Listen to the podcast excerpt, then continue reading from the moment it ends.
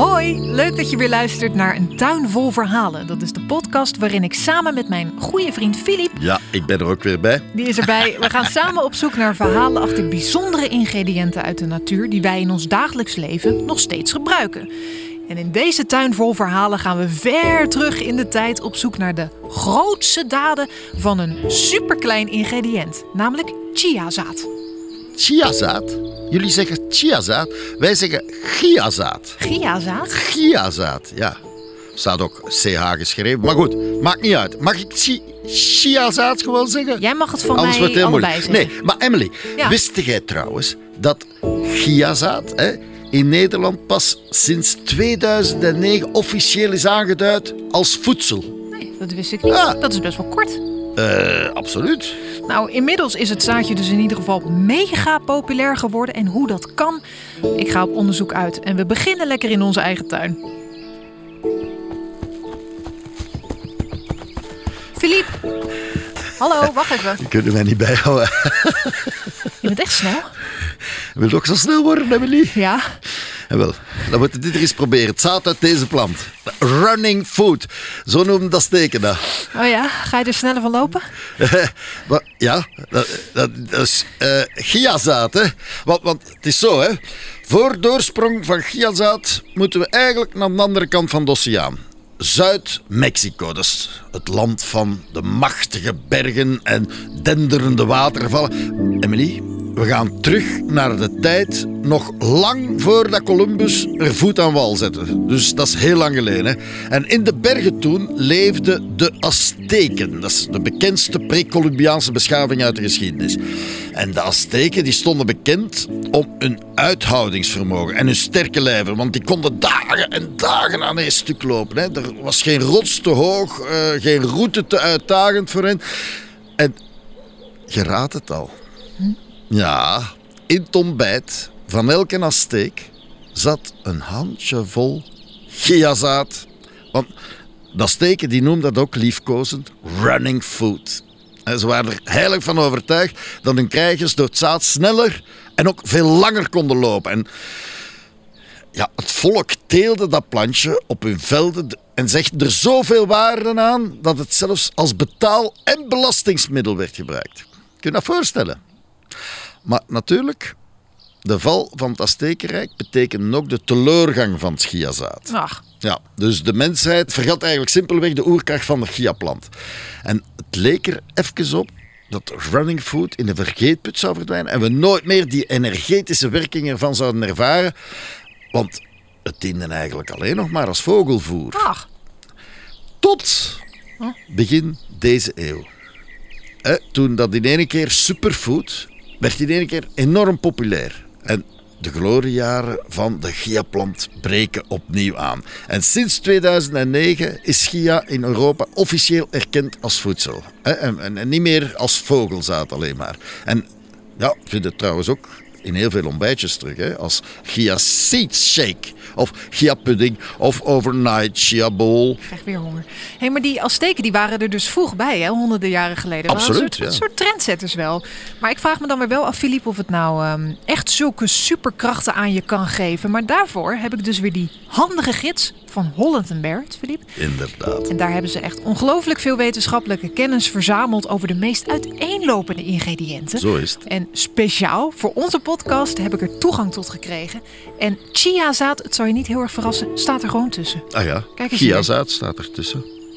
Eens even zien. Chiazaad. Chiazaad. Chiazaad is rijk aan vezels en eiwitten. Ja. En het is lekker in een smoothie of yoghurt en kan ook als eivervanger dienen. En er staat hier ook nog chiazaadjes, die zijn dan weer rijk aan omega-3 vetzuren. Verder ervaren mensen dat omega-3 dan weer kan helpen bij psoriasis, eczeem, acne, andere huidaandoeningen. En dat komt dan omdat omega-3 de gezondheid van de huid kan ondersteunen. En dat geldt dan ook weer voor het geheugen en het bevorderen van concentratie. Dat is ook wat mensen hebben ervaren, staat hier in de gids. Klinkt allemaal interessant. Ehm, ik heb eigenlijk nog wel wat, wat extra vragen. Hoe smaakt het bijvoorbeeld? Ik heb geen idee. En ik ken dus iemand die hier ons alles over kan vertellen. En dat is Lisa Steltenpol. Ken je haar? Nee, Lisa, maar ik kan u wel vertellen hoe dat het smaakt. Oh, en? Ja, het zijn zo hele kleine bolletjes. Hè? Ja. Dus de structuur is heel, heel fijn in uw mond. Maar eigenlijk is er weinig smaak aan. Nou goed, Lisa dus is in ieder iedereen lust het. Iedereen lust het. Nou, dat is prettig. Lisa is in ieder geval plantaardig diëtiste en schrijver van het boek Vegan Vibes. Oh, interessant. Zij weet dingen. We gaan er eens even bellen. Hallo Lisa, Emily hier van de podcast Een Tuin Vol Verhalen. Hallo Emily.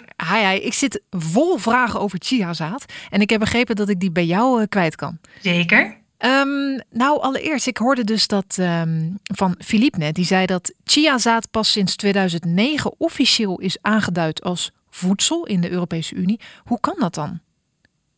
Ja, goede vraag. Het werd natuurlijk al veel langer gebruikt ook als vogelvoer. Ja. Eh, het wordt al eeuwenlang gegeten. Maar het is nu pas iets wat eh, echt op de markt komt. Ehm, hè, met de trend natuurlijk, met al die superfoods. Dus ik denk dat het daarom eh, pas echt als voedsel is ja, beschouwd. Het is natuurlijk nieuw hè, hier in Europa. Dus dat is helemaal meegegaan met die superfood trend eigenlijk. Ja. ja, en het is een van de superfood trends die ook echt is blijven hangen. Want je hebt natuurlijk heel erg veel product gehad.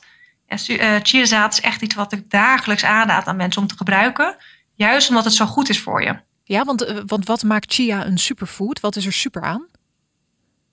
Nou, het heeft twee voedingsstoffen die ehm, echt uitblinken bij chiazaad. Nou, de eerste is vezel.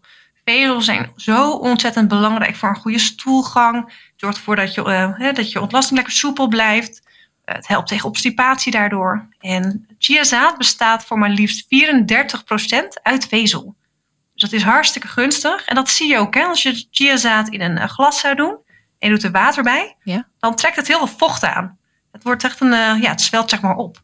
En dat gebeurt ook in je darm. Dus het wordt een stuk zachter en, en makkelijker voor je lichaam om eten te verteren als je veel, eh, veel vezels in je voeding hebt. Dat is het gunstige daarvan. Ja. En chiazaad bevat veel gezonde vetten. In totaal eh 30% vet, ehm, waarvan een groot deel ook omega-3. Ja, wat is dat nou, omega? Ik las het net, omega-3, maar wat behelst dat nou? Ja, je hebt allerlei omega's, ook omega-6 en omega-9. En je hebt ze allemaal nodig. Alleen omega-6 en 9 zitten al volop in de voeding. Dus dat komen niet snel tekort. Terwijl omega-3 juist wel iets is waar we echt op moeten letten. Ehm, want hè, als je kijkt naar chiazaad, daar zit alpha-linolenzuur in.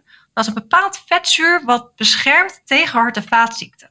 En dat voor vrouwen heb je dan 2 gram alpha-linolenzuur nodig en mannen 3 gram. En één lepel chiazaad levert al ongeveer nou, drie kwart van je behoefte als vrouw. Dus het is een hele grote, significante hoeveelheid die je dan neemt. En waar is dat dan goed voor? Nou, voor de vetzuren, dus echt eh, dat vet wat erin zit. Hè, ons lijf heeft allerlei vetten nodig, heeft heel veel functies. En je hebt vetten die bijvoorbeeld je cholesterol verhogen. Nou, dat zijn de vetten die we liever niet willen. En dit is specifiek een vetzuur wat je cholesterol helpt verlagen. En daarmee ook dus je kans op hart- en vaatziekten. Dat is natuurlijk hè, een, ehm, ja, een cluster van, van ziektes wat ontzettend veel voorkomt in onze westerse, westerse maatschappij. En omega-3 helpt dus je kans op, op, eh, op een beroerte, hart, hartziektes, om dat weer te verlagen.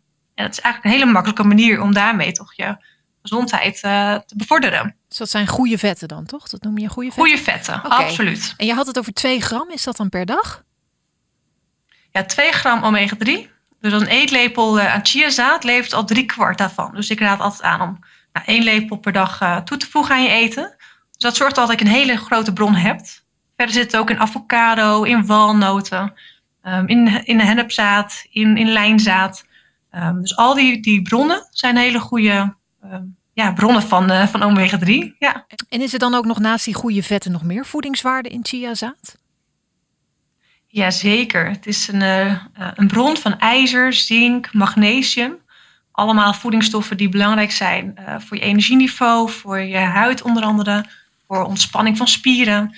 En chiazaad is wat dat betreft gewoon een hele goede toevoeging. Het is echt een, een onbewerkt product die daarmee kan helpen om ja, sneller je voedingsstoffen op een dag te halen.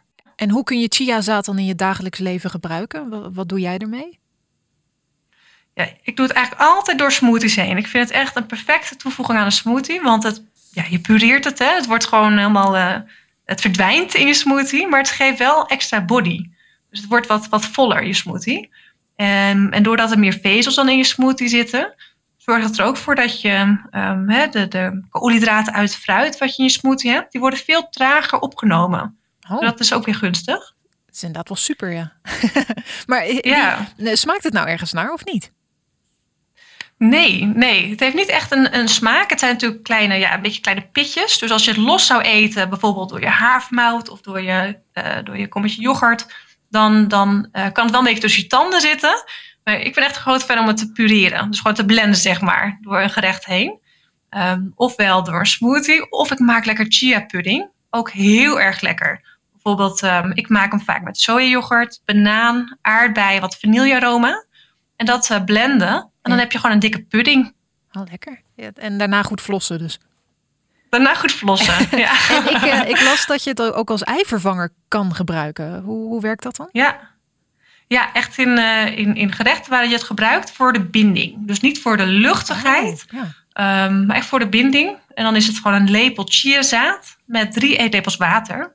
En dat laat je dan even staan. En dan zal je wel zien hoor, dat het echt een beetje een, eh, ja, een gelachtige eh, substantie wordt. En dat kan je dan toevoegen bijvoorbeeld aan, eh, aan, aan ei en pannenkoeken. Of eh, ehm, als je een gebakje gaat maken bijvoorbeeld.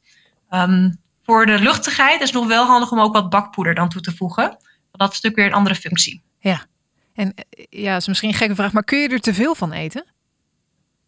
Ja, Oh, ja echt? zeker. Ja, stel je zou ehm 100 gram ervan eten, om even een voorbeeld te noemen.